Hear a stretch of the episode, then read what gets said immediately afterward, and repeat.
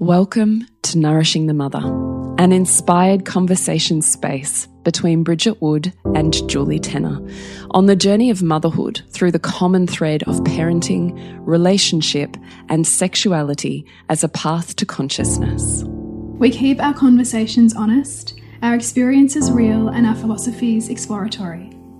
We believe that in order to raise incredible humans, we first have to raise ourselves. We know that in order to rock the family, you've got to nourish the mother.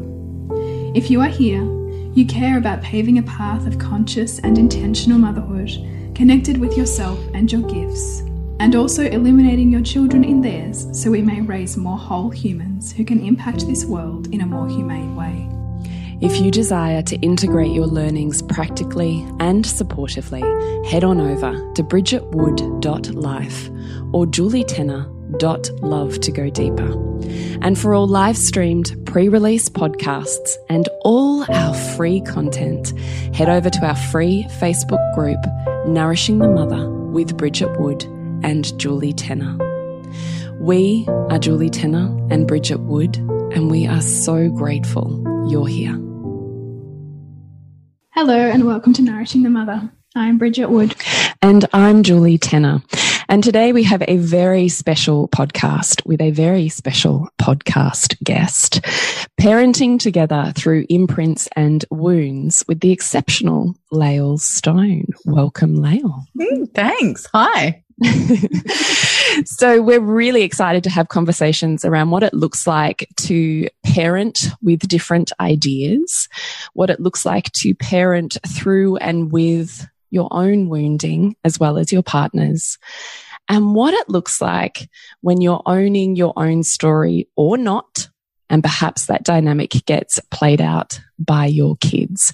So super juicy, super incredible conversations as part of Relationship Taboo series. We're talking about what does this look like to be working together with family, with relationship, and with conscious parenting, and they get to be together rather than separate. So, really excited to have that conversation. We are.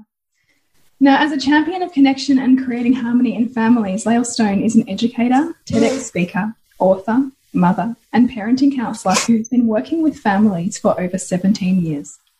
As an aware parenting instructor, she facilitates workshops and support groups that empower parents to create connections and stronger relationships with their children. Lael spent 15 years working in childbirth education and postnatal care, working with couples through pregnancy, birth, and the first few years of parenting as a doula, calm birth practitioner, and postnatal trauma counsellor. She is the creator and director of the About Birth online education program, a pioneering way to learn about birth and early parenting. She is also the co creator of Woodline Primary School, an innovative new school based on emotional well-being and connection. Lael is the co host of the Aware Parenting podcast and a sought after public speaker who talks candidly about her experiences and her great passion, creating wellness in families through connection and communication. She is excited to be teaming up with the Resilience Project to deliver presentations around raising resilient children all over Australia in 2021. She is the mother of three big kids who are teenagers and young adults, and she is currently putting all her research into practice with them. So great to have you here. We feel so honoured to um, have you as part of our podcast again. We did have you on a couple of years ago, and it's lovely to have you back again. Mm, thank you. I'm so happy to be here. Do you know the podcast we did years ago?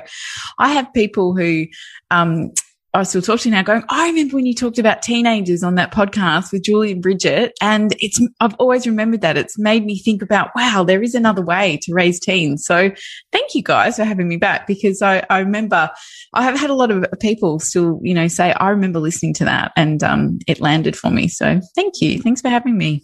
Cool is that? That's so cool. We love that. I, I remember recording that and that was, you know, I think I had like a, a three or a four year old then.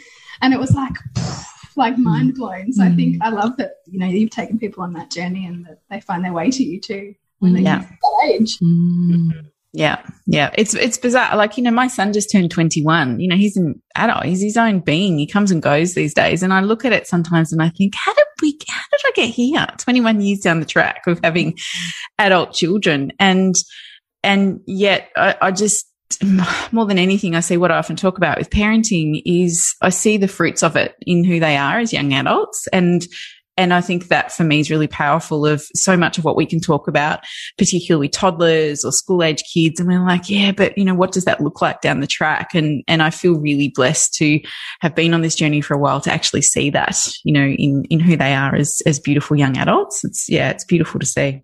Mm. So we would love to really begin this this discussion with first of all framing it that we we brought you on to talk about relationship taboos, being that in relationship you are going to hit lots of emotional, psychic, you know, wounding because you're going to see parts of your partner that you perhaps never saw before because they're seeing themselves through their child. Mm -hmm. And then you're seeing them through your children together.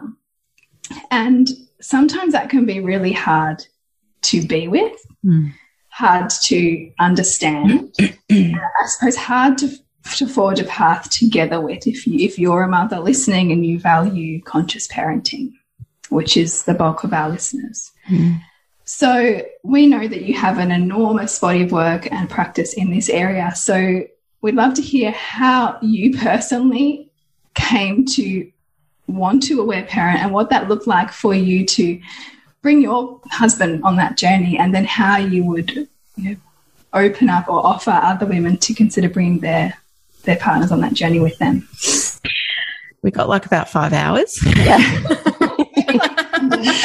we know it's a super layered, super complex. I guess one of the main problems, and I imagine you would see it too, is the different parenting ideas mm. or the reality of, whoa, I've come screaming into this person that I don't recognize. And this is not in alignment with this now shared human that we're raising. And what do we do? Yeah, it's so big. And I would say uh, probably oh, look, three quarters of the parents that I work with come because of this, because we're on different pages and because and it's not always classically this way, but often what I have seen, and again, I'm doing a bit of a blanket thing here, but it's not always the way perhaps mum is feeling a bit more permissive in her parenting. She wants everything to be okay, wants it to be calm. Perhaps dad feels that, you know, there's not enough boundaries and our kids are going to grow up entitled. So they kind of use a lot of power over more of that authoritarian stuff. And then there's often a big clash and then the kids are in the middle going, whoa, what's going on here? And here's this button I can push and yours. And, and let's, let's get some stuff happening, parents, looking at your own stuff. Uh, I think for me personally, um, you know, I often always talk about that I went into mothering with a belief system that I had to keep my kids happy all the time. So I just didn't know how to deal with feelings and emotions. So I thought that if they were happy, then that meant I was a good mum, I was doing a good job. And, um, and so therefore, um, I just spent most of my time trying to make sure that I could meet my kids' needs, which, and for anyone who does that will know is so exhausting. It's impossible, firstly, and it's really, really exhausting. So I really sat on the permissive place of just, I want to keep everybody happy. And therefore I was exhausted because I had no limits or boundaries for myself. I didn't take care of myself. I was ending up becoming a very resentful mother because all I felt like I was doing was trying to keep everyone happy all the time. Now, my beautiful husband, um, you know, he came in with, he was super, super fun dad. So part of him was always like, yeah, we'll keep everyone happy. But whenever he felt like he was being disrespected or, or felt like I was being too lenient on them, he would come in over the top. And that's where we would often clash. And so, you know, I would, was always like, I need to protect the kids and make sure they're okay. Not that he was ever, you know, aggressive or violent or anything with the kids, but he just came in with like, no, that's the rules. That's how we're doing it. And so I was like, no, but that doesn't feel safe. And, and then, but he, but like the kids are running all over us. And, you know, so there was this real dance between us and we probably sat in that dynamic for about seven or eight years. And, you know, we, we, um, we had children young, you know, we got together young. Like it was, it was a really, it was an intense time. Like we both look back at that time when we had young kids and think, wow, it's pretty lucky that we actually got through it because what was really happening in most of those years was all my wounds were popping up, all his wounds were popping up, and we didn't have the support or the wisdom or the know how to navigate it. So we just kept bouncing off each other. And then, you know, we didn't fight a lot, but there would be, but really what was going on for me as a mother was, you don't understand how hard it is. You know, um, I'm doing all the work here. He was doing the whole, you don't understand how hard it is. You know, I'm trying to earn all the money. Like we basically played the game of who's doing it tougher. No one wins in that game of who's doing it tougher. And so, and, and how it played out is that I would just then struggle even more because I was waiting for him to come home and say, gosh, that looks so hard. How about you take a break? And he was really waiting for me to validate. I can see how you're working really hard to, to fix, you know, our financial issues or whatever. And, and we both just kept totally missing. And so I think what changed it, well, what definitely changed it is, um, when we had our third child. So our oldest was uh, seven and a half, and then we had a four year old. And when I had a third child, I had a really traumatic, um, pretty powerful birth experience where there was a, it was a big life and death theme that went on, and it kind of leveled everything because we just went to a place of wow, we we all went through a really big trauma. And when we came out the other side of that trauma, I remember thinking things have to change. Like we cannot keep going on this way because it's not it's not healthy for either of us. And we were and really our intimacy was not there, and and we were both just so deeply in our wounds. And mm. that's when I discovered the work of Aletha Solter and, and read the book The Aware Baby and and that kind of that point absolutely changed my life because I realized that what I'd been doing is avoiding my kids' feelings and emotions. I realized I was not having any boundaries or limits and taking care of myself. Like everything just exploded because I began to see that I had become my mum. Um, my husband had become his dad. and we were in a relationship together and it didn't feel good. and so it was from there that I went, whoa, we got some work to do here. We have to look at what our belief systems are. And, and what I really believe is we were searching for it, but we just hadn't found it. And, and I think that's the thing. Both of us kind of knew what we wanted in our family. We really wanted it to be democratic. We wanted, we, we didn't ever want to smack our kids. Like we, we always wanted it to be deeply respectful with our children, but we just didn't have the tools to know how to do it. And then I think when I found the work of Aletha Solter, it gave me a foundation to go, oh, wow, this is what having limits could look like. And this is what it can look like listening to feelings. And there is no such thing as naughty or bad behavior. It's just a child with some stuff going on. And so huge, huge learning curve. And, and my husband, bless him, is always so willing whenever I say to him, Hey, I think we should do this or I'm looking at that and he never reads books, but what often makes me laugh about him is he goes, you just give me the top, top level and I kind of give him the main points. And then he goes, right, good. So he feels like he's read the book, even though he hasn't. And then I love my favorite part is then he goes and talks to everyone about else about it. Like it's, he's read the book and done the work. And I just sit there and makes me, we have a giggle about that all the time. He even admits that he's like, yeah, you do all the work and then tell me. And then I go pretend it's mine. Uh, so what was beautiful is that he was willing to go, yeah, okay, let's give this a go because it's not working. And so there was just a little, there was just, and I say this to parents all the time, if there's a door open to lean into looking at some of the story and the work, mm-hmm. then, then you just start with that and then see where it goes. And, you know, there was many times in the beginning when we first started aware parenting where instead of trying to shut our kids' feelings down or distract them from them or try and keep them happy, you know, we would just sit and listen. It was the beginning part of actually going, wow, there's, you know, you have story and let me listen to it. And many times my husband would look at me and he's like, is this going to work? Like what we're doing feels so foreign because none of our friends were doing it.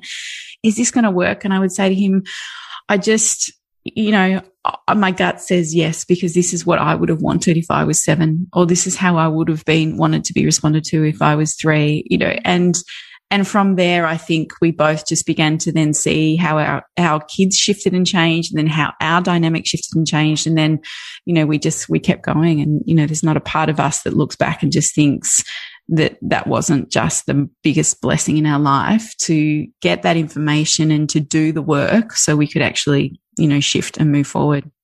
Mm. I absolutely love how relatable you made all of that. Like just the, you know, I just think there's something so beautiful about seeing yourself in someone else's story mm. and going, Oh my gosh. Yeah. I, I, I went through that too. Or yeah, I experienced that as well. And there's this part of you that just has this soothing validation for, oh my gosh, so it's still possible for me to end up where Lael has ended up because she's traveled that path too.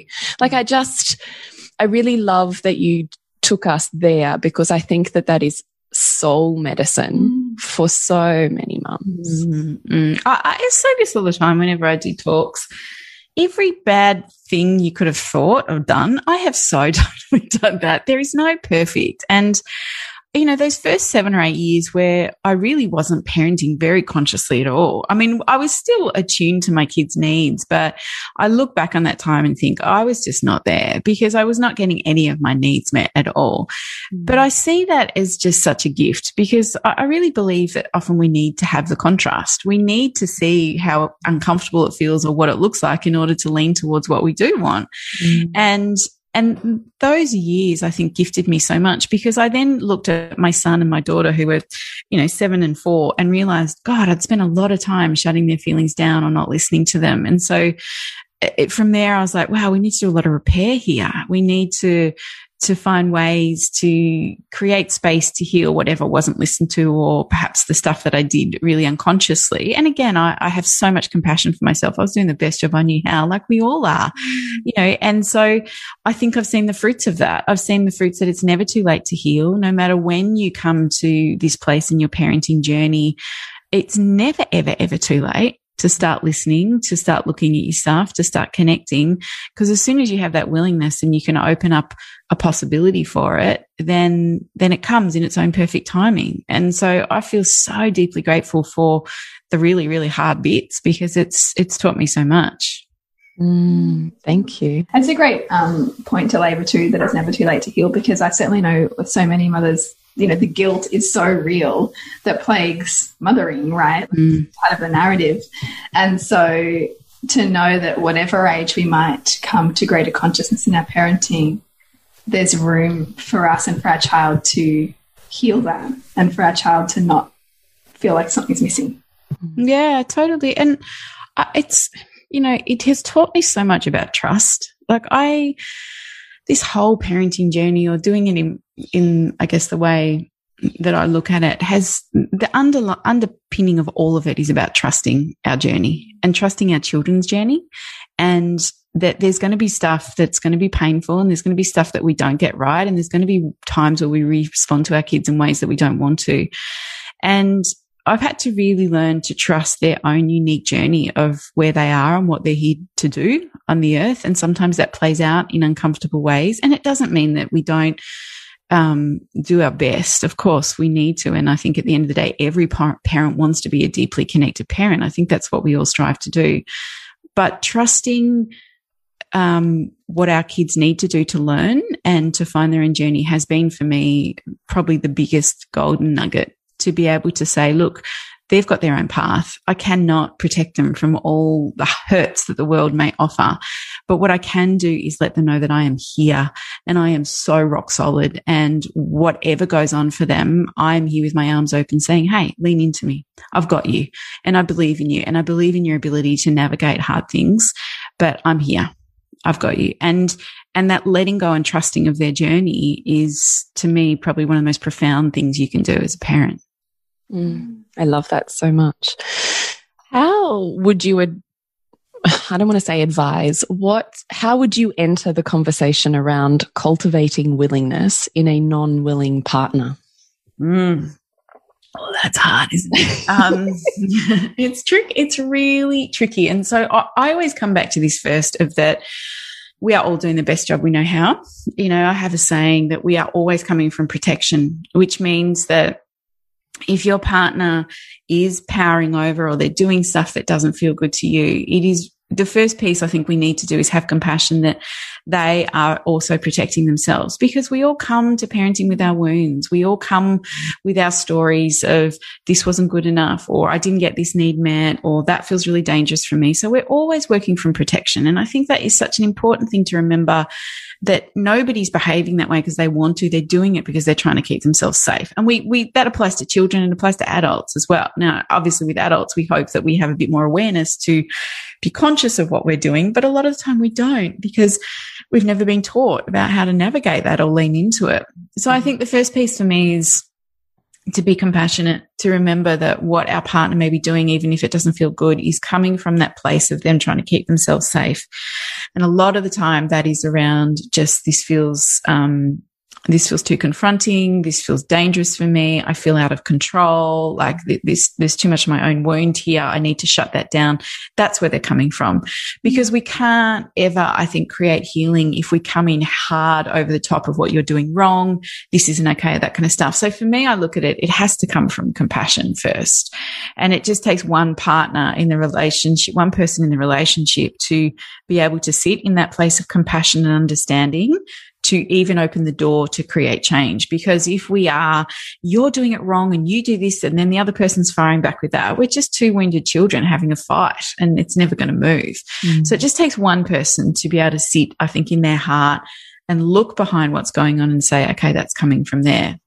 So for me, I, I guess what I've learned over the years is that, you know, in the heat of the moment is never the time to go entering into and what's going on for you right now, right? Because it's just too up, it's too alive, it's too there it is always after, and it's in those moments where we do feel connected that it is time to open up those conversations. And so for me, what I, I learned with my partner, and he would do the same for me. Like this isn't me just being the, you know, aware parenting person saying, Hey, what's going on? He would call me out on my stuff. Our kids would call us out on our stuff. like it was perfect. But it was when often we were connected and it was calm, I would say to him, Hey, how do you reckon that went earlier this afternoon? With the kids when this happened and that happened and what did that feel like for you and so it would slowly be just planting seeds for him to reflect or go well yeah they were pissing me off or they were doing this or doing that and i'd be like yeah so so what was happening for you there or i would just gently gently gently try to to open up a conversation to say, yeah, it didn't feel good. and then I'd bring it back to me. Yeah, because I had this feeling. I went into panic because I, I, felt like I had to protect the kids because that's my stuff. So I would own as much of what my own story was, as well as opening up the conversation so that nobody was wrong. It was just, this is what was going on for me. That's what was going on for me. And then that, that often, again, sometimes it would open up conversation. We could lean into a bit more. Sometimes it wouldn't go anywhere, but I would keep trying. And, you know, and I, I say to parents often, when we are looking on different pages, you know, one of the best things we can do to start with is just keep modeling what we want you know, how we want to respond to our kids. We keep modeling it. We keep modeling it. We keep modeling it so that they can see, oh, that that's actually how it can work. And that's what may happen.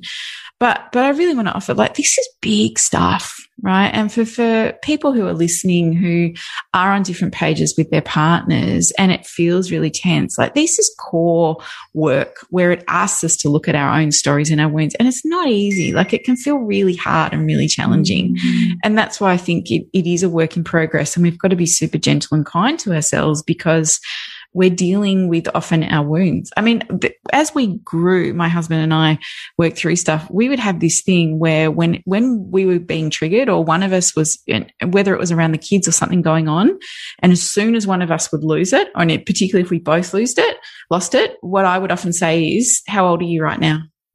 And my husband, he'd be like, I'm 12. And he'd go, how old are you? And I'd be like, I'm four. Right. So when we were in the middle of the heat of something, we would often ask each other how old we were because we knew that that was the parts of us that were popping up. Mm-hmm. Now, if you were just starting with your partner, that's probably not going to go anywhere good. If you say, how old are you? They're like, what are you talking about? I'm 35. like, uh, that's not where you start, right? But as we have learned to work through this and own that our wounds are going to surface, you know, that's been such a game changer for us of when we both are really reactive to just call, how old are you?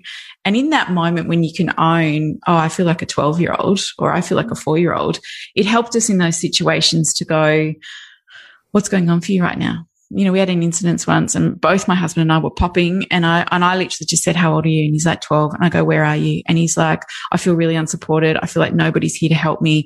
I don't know what to do. And I'm meant to know and I don't. And I'm like, okay, that's where you are. And he's like, where are you? And I'm like, I feel four. I feel totally unsafe because nobody's taking care of this. And so then we both literally just sat there, him as a 12 year old, me as a four year old. And we both kind of went, okay, what do you need? And he's like, I need someone to support me. I need someone to um, guide me. And I was like, okay. And then he asked me the same question, what do you need?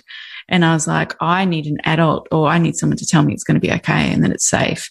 And we basically worked through this process together uh, where we could instantly drop the story. We moved into the wounds that we were, and then it actually dissipated, and we were both able to feel it. And then we could come out the other side and go, okay, now, now what's the possibility of the solution that we can look for? But it's taken a while to get to those points where we can actually both lean into it quickly to know that there's something going on, you know, and so that, that's been pretty profound. It sounds profound. Awesome. Mm. Really amazing. And so I really hear that there's a journey, right? There's a journey for so many parents to get to that place and that going gently because the, the, the problem is when we're in a wound and we're in reaction, we want to make that feeling go away, right? Which and, and sometimes makes somebody wrong for that. So how would you offer the mother who's in this dynamic with their partner where she's as part of her protection making him wrong or his parenting wrong. Mm. How does she first be with that feeling in herself to almost kind of create a pattern interrupt to mm. then offer compassion? Because there needs to be a step kind of before you can offer compassion, right? 100% yes. So I think there's a few different ways to do it and, and it depends on what resonates with you. You know, for me personally, whenever I started to feel really reactive or I was going into a story. And, and I, I'm very grateful because this was something that I was taught from my mother many years ago. She, she often from a really young age, she would say to me, what is this about for you? Like, you know, what, what is this? What do you have to feel in this story? So I was really taught from a young age, whatever's going on, whenever I'm having a reaction, it's about me, right? There's something in me that's not being met. So I, I, feel very lucky that that was something that I was taught from a young age. And that has often been my default. And I know that's not usually everyone's default. Our default is to move into blame or move into projection onto someone else as to why what they're doing is making you uncomfortable, right? Whereas really the gift is to go, Oh, what's going on for me here? There's something. Mm-hmm. So for me, my first question was always when something I felt, whether it was I felt attacked or whether I felt really vulnerable or whether I felt scared, my first question was always to be, what's going on for me here? And so and and from that just even asking that question it brought it back to i'm having a reaction around something you know and i need to own this reaction. So sometimes i would take that and go and journal. And just if i could i'd go and just write a train of thought this is what i'm feeling right now and see what came out of that. Sometimes it's ringing a friend and just saying can you listen to me for a moment? Because i'm feeling really really reactive and i've got something going on. Um, and to through talking i'd be able to kind of then process, hey, I'm feeling scared or I'm feeling threatened or I'm feeling powerless or whatever it was by having a, a, dialogue. And I am a speaker. Like I need to talk to people when something's going on for me. I'll even ring a friend and say, can you just ask me these three questions? because when someone asks them, it feels easier for me to respond than sometimes just trying to do it in my head. So sometimes it's going and talking to someone. Sometimes you can't do that in a minute because the kids are there and partner and all that kind of stuff. And and for me, it was often I need to take a pause. So if I am feeling something, I am going to just almost get quiet for a minute and go, I'm having a response. I'm having a big reaction. I, I need to just sit with that for a minute to, to see where that's taking me. So I think the first piece is what do we have to own in ourselves before we start projecting onto where that is, that other person? What is this? And this for me is the fundamental core of all this work. If we can't own our own story, we're not going to create shifts Mm-hmm. And I think, you know, particularly in, I, I guess, a conscious parenting dynamic, when we can see um, the story that's going on. And often women do because they often do a lot more research or they do, you know, they do more self discovery stuff or we're made to do self discovery stuff because we have to, you know, we're the ones that get pregnant and have the babies and you're pushed into those places. And so on some level, you do a lot more of that process work um, I think we naturally default to questioning and asking more than what men do, unless they've had to really, you know, move through those rites of passage themselves to really, you know, have that inquiry. And I think it is very easy, um, you know, of course, just to project onto that other person of what it is. But if you can firstly come back to, okay, what is going on for me here? And whether it is, I feel really angry because you are acting like a child, well, that's good. You've got anger going on. You're feeling angry. And what need of that is there for you? Or what does that remind you of? Or what is coming up as part of your story of what that feels unsafe? And, and I think the thing, the key piece of this is that we come together with our partners to work through our wounds, whether we like it or not. We think we come together because we're going to build a life and we're going to love each other and it's going to be magical and we'll have great sex. But often we come together because they're the perfect person to mirror back to you the stuff that you need to work with, right? It doesn't sound very romantic at all, does it? But that's who we often choose because they are the perfect people somewhere in our psyche in safety to say, Hey, I'm going to help you look at your shadow here. Mm. And I think for me, the biggest piece is firstly having the willingness and the consciousness to go, there's something going on for me here.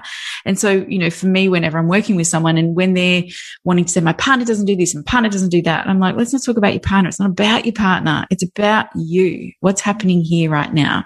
And when we can at least get our piece of the story, then that allows us to move into more spaciousness and compassion to perhaps hold a space for our partner to move into their stuff. But we can't do it unless we own ours first. Mm-hmm. So great. How would you talk about or explain wounds coming up in your partner to the partner that perhaps doesn't recognize that they have wounds or that they even arise? Yeah. Yeah. This this is these are this is tricky. It, it, it's not easy because again, we all sit at different levels of awareness, and we all sit at different levels of wanting to know. I mean, I think that sometimes the the the, the key piece with a lot of couples I work with is um, it, and that's why I always come back to the first piece of doing the work for you what I believe or what I look at is this is that it just takes one person in the partnership to start doing the work. And I think we come together as the perfect polarities.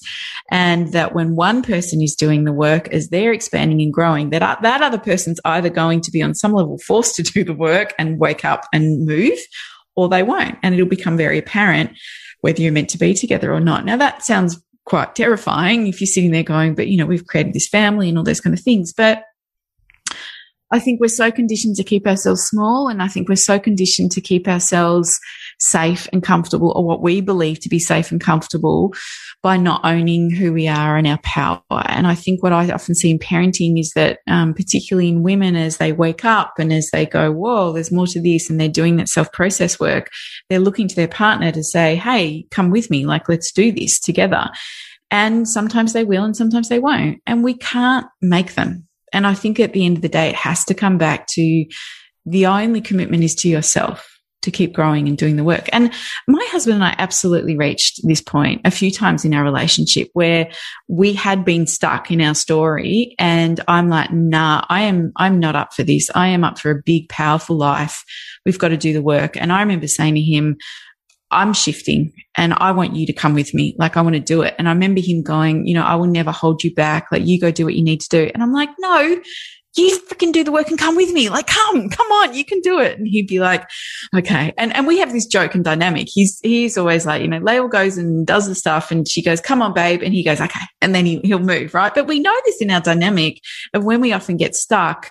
I, for me, that just is who I am. I'm going and doing the stuff. And then I go, Hey, let's lift. And he goes, okay. And he'll do it. And he has beautiful willingness to do it.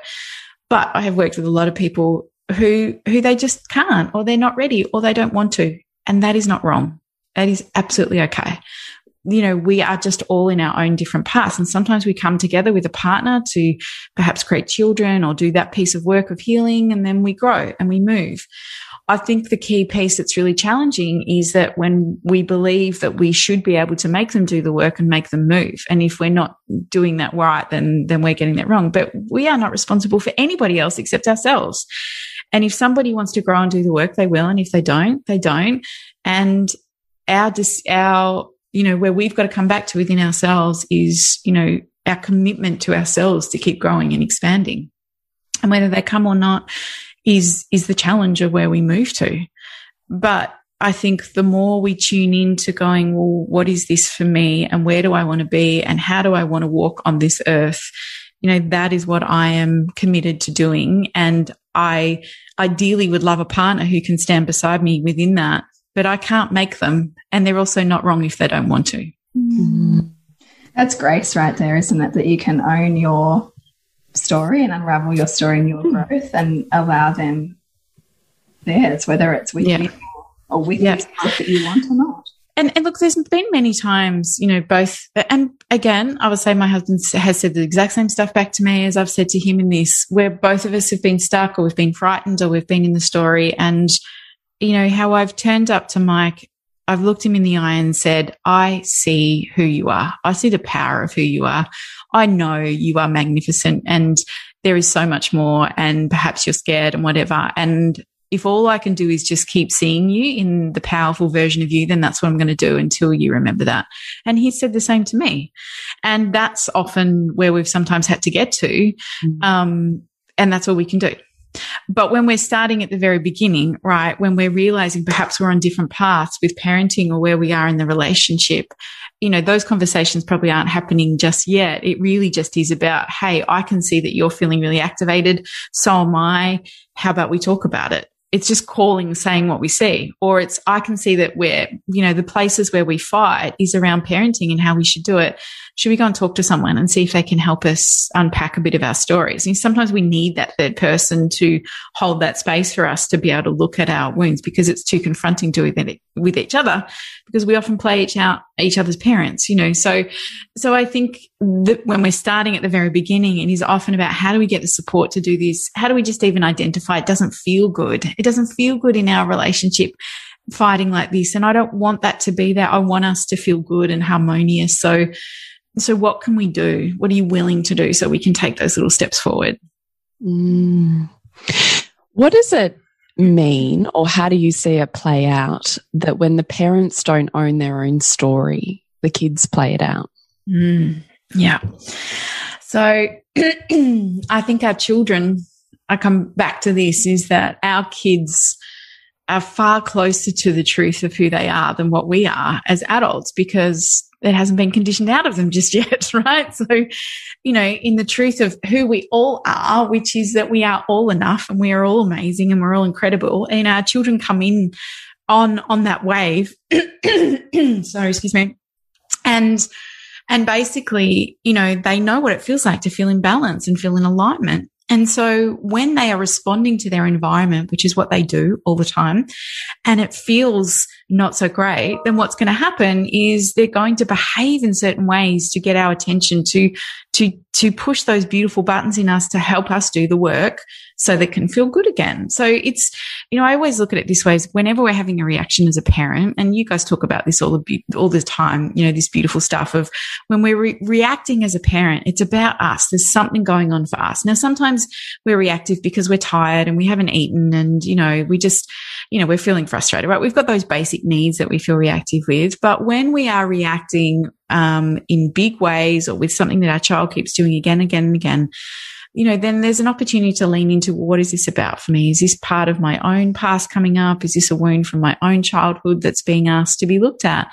And I would, I see this so often when we can get the story, when, when whatever our 15 year old is doing that's totally driving us nuts and we can lean into it. When we shift that, our 15 year old shifts or our two year old, you know, when they keep throwing stuff all the time or they're doing stuff and it's bringing up our feelings of powerlessness or whatever it is and we get to do the work on that then the child's behavior shifts because it's almost like the child goes oh good job well done. Thank you. That's one less thing i have to carry of yours forward because i think what we do as parents is we unconsciously take our stories and our wounds and we project them onto our kids and our kids go, Hey, I don't want this. And so they push them back and they push them back with their behavior and they push them back to us and saying, Hey, this is not mine. And you need to, to shift and move because actually what I want is I want a parent who can own their story and I want a parent who can be this really safe container for me to be who I need to be. And then when I'm free to be who I need to be, then I'm so much more in balance and I'm so much more, you know, going to travel through life with a lot more ease and grace. But again, this is, these are big things that that we were never modeled. Like it's rare that I work with a parent who had a parent who raised them like this. So when we are doing this, you know, this is first generation on some level parenting with consciousness. It's hard and it's big and it's making us look at our stuff. And I look at it this way is like, my kids are still going to have story. I just hope they don't have as much as what I do. And they don't. I can see it already in them. You know, they are so quick to move into their feelings and express them and get their needs met. They are all deeply connected to who they are and their truth. Like they do not get swayed by what other people think. Like they are just like, they've got clarity of who they are because there's been that freedom for them to feel and to be who they need to be in the world. And and because I've had to keep looking at my stuff going, oh, what am I projecting onto them? Or what do I need to own? And the more we can do our own work, the less our kids have to carry forward. And I think that is the greatest gift that we can give them. Mm, amen. what does it look, I guess, what does support look like when you talk about, you know, this stuff comes up and that, you know, it's really hard and we don't have a narrative, a framework or support in order to navigate that in a wholesome, wholehearted way. Mm. What does support look like? Mm. I think it can look like many things. I think for some people, you know, it can be having just stillness to journal or to write or to sit with yourself to really feel into what am I feeling. Like for some people, that's their process. For some people, it's moving their body and that helps them, you know, integrate or figure out what's going on for them. You know, that could be going for a run for someone. That could be dancing for someone else. It could be yoga could be boxing. God, I love boxing. Boxing's so great as a mother. Don't you think it should just should be standard mother practice? it's just the best. um, uh, I think it also is, it's having community. It's having other mothers that we can lean into and say, gosh, I'm feeling really activated about my partner or my four year old's really doing my head in because of this, this and this. And it's having the opportunity to be heard without judgment and just talk it through and to have somebody else just sit down and offer you that empathy and compassion can help you get to your story, to help you see what it is that's going on for you. And, and when they sit there without judgment and they listen with beautiful compassion, it gives us the opportunity to lean into whatever it is for us so we can move it. And then, and then, you know, we're like, oh, I've just moved that piece. You know, we, we, it shifts uh, or it is sometimes professional help. It's, you know, I mean, I, I, believe that everyone should have therapy at some point in their life because we need to have a safe container mm. to work through our stories and wounds. And if we haven't, then having kids is just going to bring it up for you. It just is. It's impossible not to. You know, if you want to know what your story is, then just look what's happening in your family or go hang out with your parents for a week. Either two of those will show you, you know. oh, in the same time. I, I, think that it, it, looks different things for different people. And, um, I mean, I am, a, I'm absolutely a talk. I process through talking. So I have to talk to someone about whatever's going on for me. And sometimes I have to talk to two different people depending on what is going on to actually just hear myself within it or, or get some feedback and to feel into what it is that I need to do. And I think it's being attuned to what helps you own your piece of the story, help move the wound and feel whatever it is so you can find your way back to the center. Mm-hmm. So I think it is, it's, it's individual, but I think there's, we all need, I really believe we need other people to hold that space for us to help us move. Mm. Do you have any questions before we move into our quick fire? I don't. I, do you have anything else you would love to offer, Lael, before we move into those questions? I just, I mean, particularly on this topic, I, I just want to come back to that it is, um, it is is delicate and challenging, and and I think for any of your beautiful people who are listening, it can feel sometimes really really tricky when we're in a dynamic or relationship where perhaps one person's not owning it or we're coming from different places and I always come back to that sometimes when things feel really hard, sometimes the only thing we can do is to put like, you know, a little, I say the word prayer, but I'm not meaning in a religious sense, a little prayer out there in the sense of just like, I am really willing to do the healing work or create harmony in our family. And sometimes that's all we can do is just put it out there to say, that's what I'm willing to have. And I don't know how that's going to look, but I'm really, really willing to move towards it. And then it might be that just something happens, you know, your partner has a conversation with someone and says, gosh, do I do that in our relationship? And you're like, oh, well, let's have a chat about this. Or it might be that they're willing to go and talk to someone, or I don't know. I think it is sometimes when it does feel really hard, it's coming back to sometimes just going, okay, I'm really willing for this to change. I don't know how that's going to look, but I, that's what I want. I'm, what I want this to look like is a relationship where we do meet deeply, where we are aligned with our parenting, all those kind of things. Mm. So for people that are feeling sometimes that it is so hard, sometimes the first step is just going, well, what do I want this to look like? And what am I willing to have? And um, I'm going to put that out there and see what happens. Mm, thank you. So we'll move into our three quick fire questions that we ask every podcast guest. So I wonder to start off, Lael, if there's a time that you can think about that you would be comfortable and willing to share where you have experienced a wound or a challenge and you have transformed that into wisdom. And what we're hoping you might consider doing is sharing with us the wound, mm. how you transformed it, and absolutely what your deeply lived experience has allowed you to gain the wisdom of? Mm, that's such a good question. I, I love that. Uh, yeah, for me, absolutely, it was the birth of my third child. I, you know, I went into an experience, um, you know, worked in birth. I was really ready to have this profound orgasmic birth experience in the bush. Uh, I, I, I basically put it out there that this birth experience was going to show me the woman I am. I just really want to say to everyone, don't ever say that. Be careful you what you wish gonna for. get one thing, and then when it comes back, and ended up having, you know, beautiful, long, beautiful, gorgeous story. Breech baby, undiagnosed, ended up in hospital, long, long labor, ended up with emergency cesarean um, you know, and for me, I was a birth walk worker. I taught calm birth. You know, that seemed all my ego came up around. Oh my God, I failed, got it wrong anyway, her journey was so big. You know, she she was born not breathing and was resuscitated for nearly 10 minutes, wasn't expected to live. And I was really in a life and death situation as well. Like we both went to the edge of life and death. So we had pretty massive trauma. She was in a coma for like the first four or five days of her life. Like just all the big, you know, story that that you know has impact on connection and attachment and bonding and all that kind of stuff. And and so huge, huge, massive experience that just kind of blew me out of the water of what I I thought. And, and, you know, when I said I want this experience to show me the woman I am, it did. Oh my God, it did because it took me, it brought me to my knees. It taught me about surrender like I had never experienced before.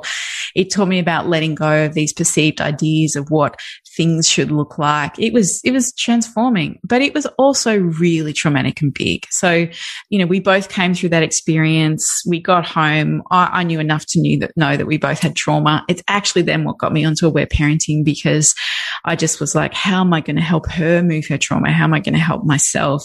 And that's when I discovered, um, Aletha Solter's book. And that's where I began to go, whoa, there's a whole lot of feelings here that I haven't dealt with. And so, um, so there was the, the trauma, the big experience. And then I kind of, you know, got on with life and moved through. And about two and a half years later, um, when she was about two and a half, I hit full blown PTSD. And so it was like, now enough time had passed and, you know, everybody was okay that I could actually then begin to feel and unpack what happened in that story. And I went from what I feel like was a fully wonderfully functioning mother of three kids. I was running workshops, doing all that stuff to having a full blown PTSD attack where I couldn't work. I didn't work for nearly a year. I had to feel all the trauma of everything, but not just from that experience, but I think from my life of what I hadn't dealt with. So I, I moved into full on anxiety and panic. I, um, I cried a lot. I, I barely could function. And I knew that this was the point where I had to heal and I had to learn about vulnerability and I had to learn about compassion and I had to do a whole lot of healing work to find my way back. And it was hard and it was full on. And it was also the best thing that ever happened to me because it took me to where my work is now. It helped me understand trauma. It, um, it gifted me with so much compassion for people and their stories. Um, you know, I, I absolutely admit before that, I thought mental health was just, you just need to deal with more stuff. And, you know, I, I, was at the point where I wanted to be medicated. I, I didn't want to live. Like I was really in trauma story. So having this incredible lived experience of what it was like on the other side was so profound and hard. Like it was not easy. And many times I was like, I want this to be over. I don't want to do it anymore. But every therapy session I had, every bit of body work I did, every little piece brought me back home to me and actually showed me the truth of who I was. Like I actually got what I asked for, right? Was to show me the woman I am. So it was the greatest gift. And, um, I would not change one single bit of it because I think it's got me to where I am now. And, um, I just see it as absolute perfection in what happened.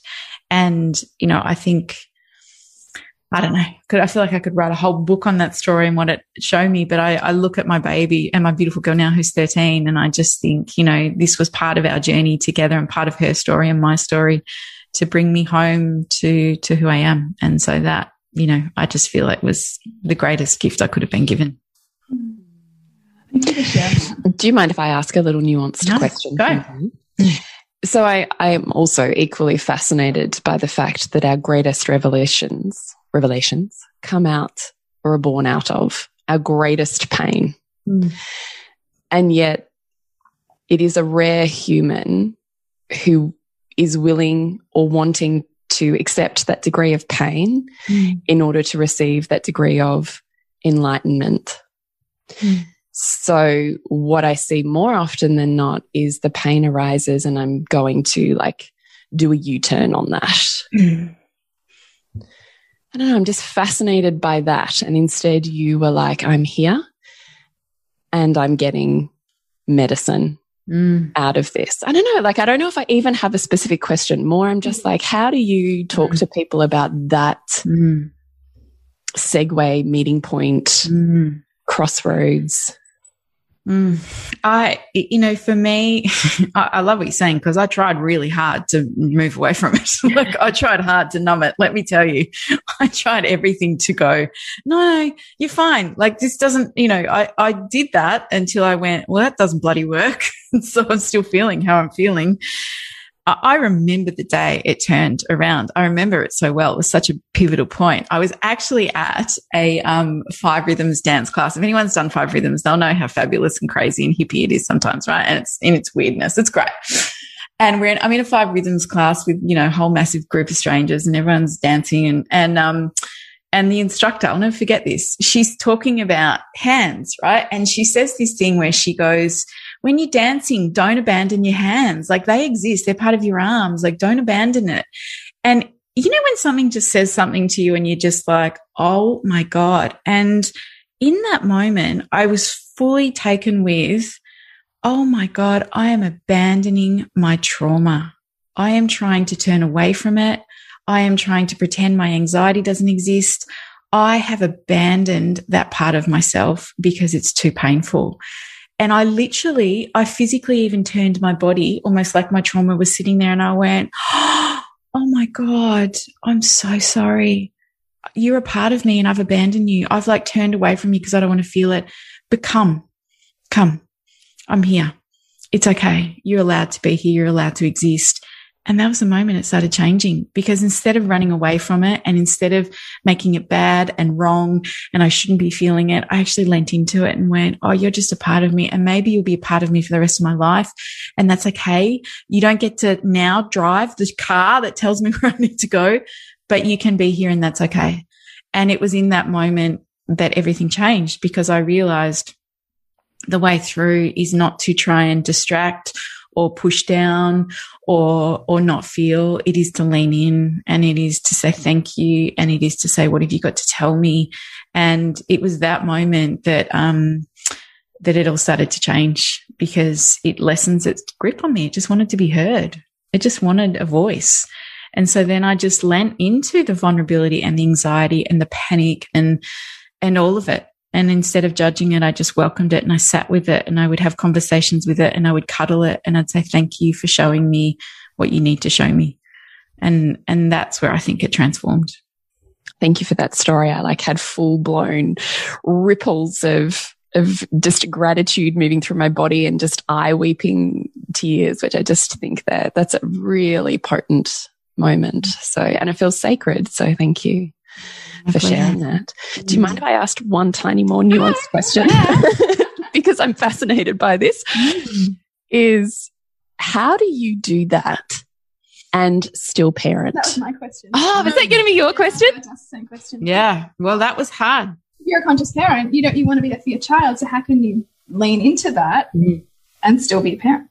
Yeah. So for me, at that period of my life, I had to simplify everything. I had to take away all the things that were hard because I knew that my healing was so important and that my two jobs were I have to heal and look after my kids at the same time. So that was huge for me because I am a go-getter and a doer and I am like action woman, right? So I'm like, yeah, what can we create and build and all that kind of stuff. And it was the season of my life where I actually had to stop that and say, this is the time where I actually just have to focus on healing and my children. So for me, it was about actually learning to say no, firstly, to anything that felt remotely stressful to me or that felt like it was going to ask more of me, I actually said no. And that was challenging because I am out in the world and it went against all the parts of the part of me that want to do it. But I actually then just went, no, this is just for now. Like, you know, you need to do this healing just now. So I actually simplified as much as I could. I um, I would own where I was. So when I was feeling really worried and and or I was feeling really sad, my kids would often come in and go, "Are you okay, mummy?" And instead of saying, "Yeah, I'm fine, I'm okay," I'd go, "I'm feeling really sad today." And so I'm going to go and ring my friend Rach because I just need to talk about my sad a little bit, but um, I'm going to be okay, but I need to, uh, that's how I am. So I learned to be actually authentic with my kids and they totally accepted it because I think a lot of the time before that, wherever I was feeling, they would, you know, they kids are tuned to us, right? So they'd come and go, "You okay?" And when we go, "Yeah," they'd be like, "No, you're not." so I actually learned to just be real and go, "Mummy's feeling big feelings today." And what I'm going to do is this to take care of them. Um, but I'm still here for you. So I learned to actually just be real. And the more real I was and the more I would lean into taking care of myself, the, the more spaciousness my kids were like, yeah, okay, no worries. So it didn't become scary. Whereas when I wasn't owning it, that's when they were feeling there is real incongruency here. And that makes me feel unsafe. And that's when I'd see them act out more.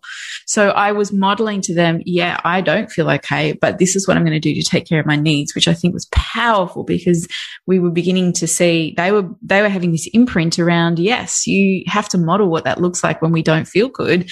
What do we need to lean into? So firstly, I was going to do that. Secondly, I was being authentic to myself, which is all our kids ever want. They want the authentic version of ourselves, even if it is messy.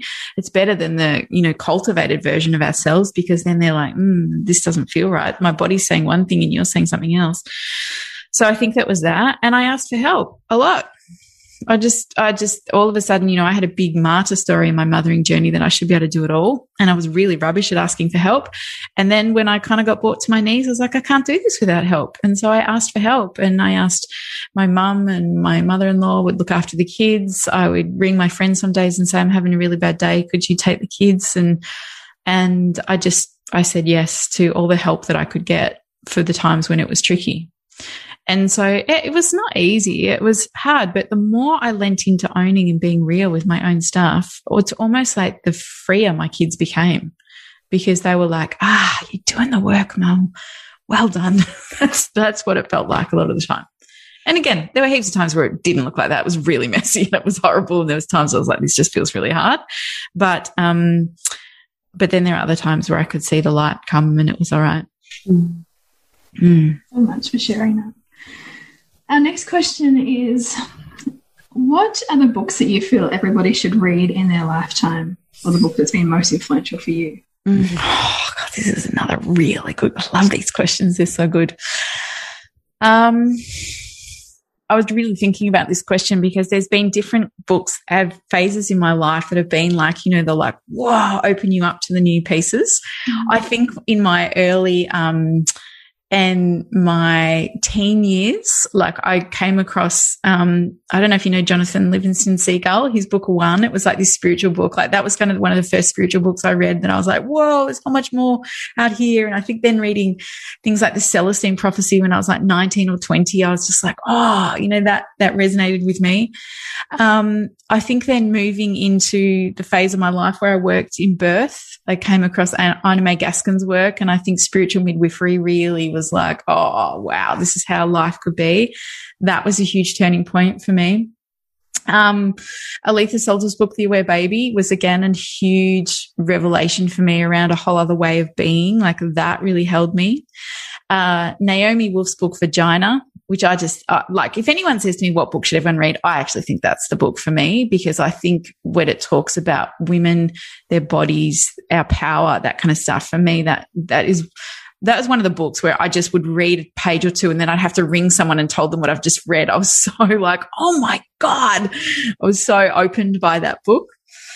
Um, I mean, look, there are so many magnificent books and authors out there. It's really hard to pick, isn't it? But I, I think in, in reflection of where my life has been and what has influenced me, they're probably the ones that have taken me on the path to like, wow, this is, this is revolutionary. Also, I would say David Deida's book, Intimate Communion, was also another big game changer for me in my relationship. So I think they're the ones that have been the, the, the books that have absolutely opened my eyes to what is possible in a different way and led me on different paths. Mm. Beautiful examples. Thank you. And the last question is if you could have a billboard anywhere on a highway, what would it say? It would say, remember who you are. Mm. Mm. For me, you know, um, over all these years of doing this work, I think I've got to a point where it comes back to the same place in anybody I ever work with, which is this, is that our job is just to remember the truth of who we are. And the truth of who we are is that we are enough and we are extraordinary and that we, um, that the spirit of all of who we are is just so beautiful and profound. And we've all forgotten that. And I just, I think the work is to come back to remembering that because when we can come back to remember that or even glimpse it or even work towards what that could look like, then it means that we're in alignment with who we are and our truth and, and then everything flows from there. So, you know, the older I get and the longer I do this work, I just come back to that is just, that's what we want to do with our parenting is create space for our kids to know who they are. And part of that is us remembering who we are. Mm.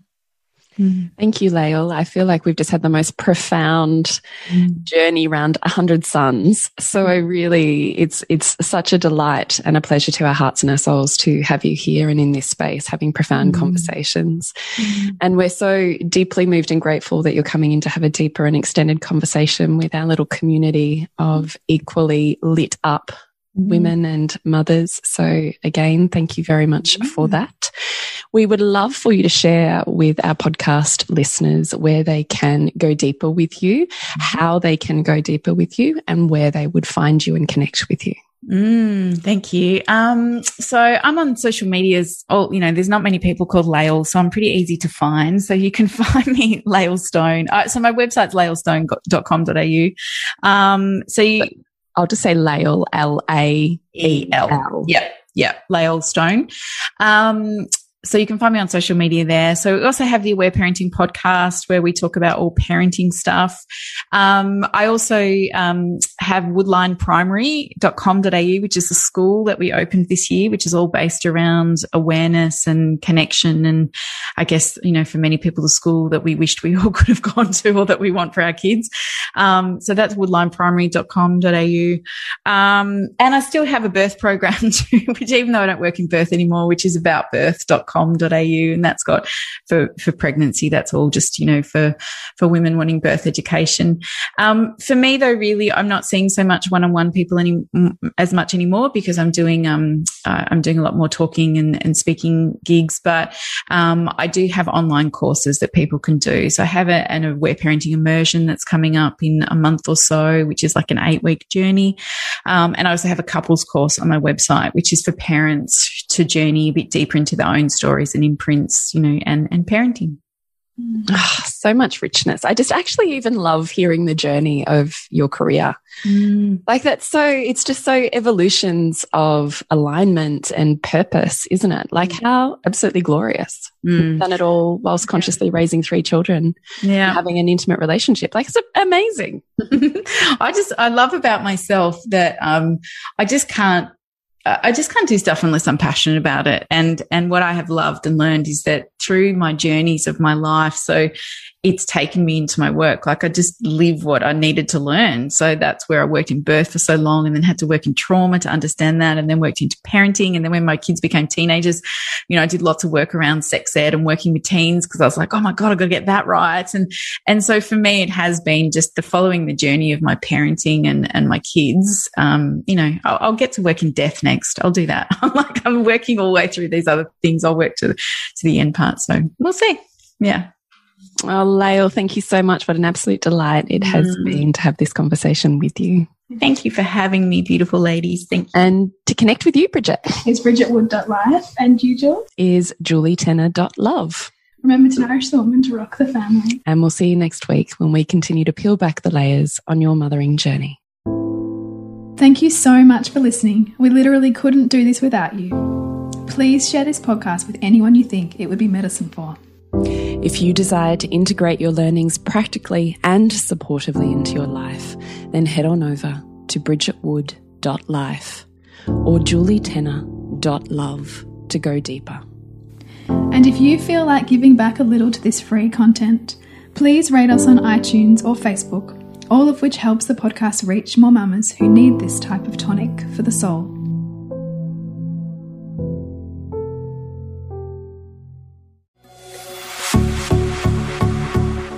This has been a production of TheWellnessCouch.com. Check us out on Facebook and join in the conversation on Facebook.com forward slash The Wellness Couch. Subscribe to each show on iTunes and check us out on Twitter. The Wellness Couch, streaming wellness into your lives. Whilst the Wellness Couch presenter endeavor to provide accurate and helpful information to their listeners, these podcasts cannot take into account individual circumstances and are not intended to be a substitute for health and medical advice from a qualified health professional. You should always seek the advice of a qualified health professional before acting on any of the information provided by any of the Wellness Couch podcasts.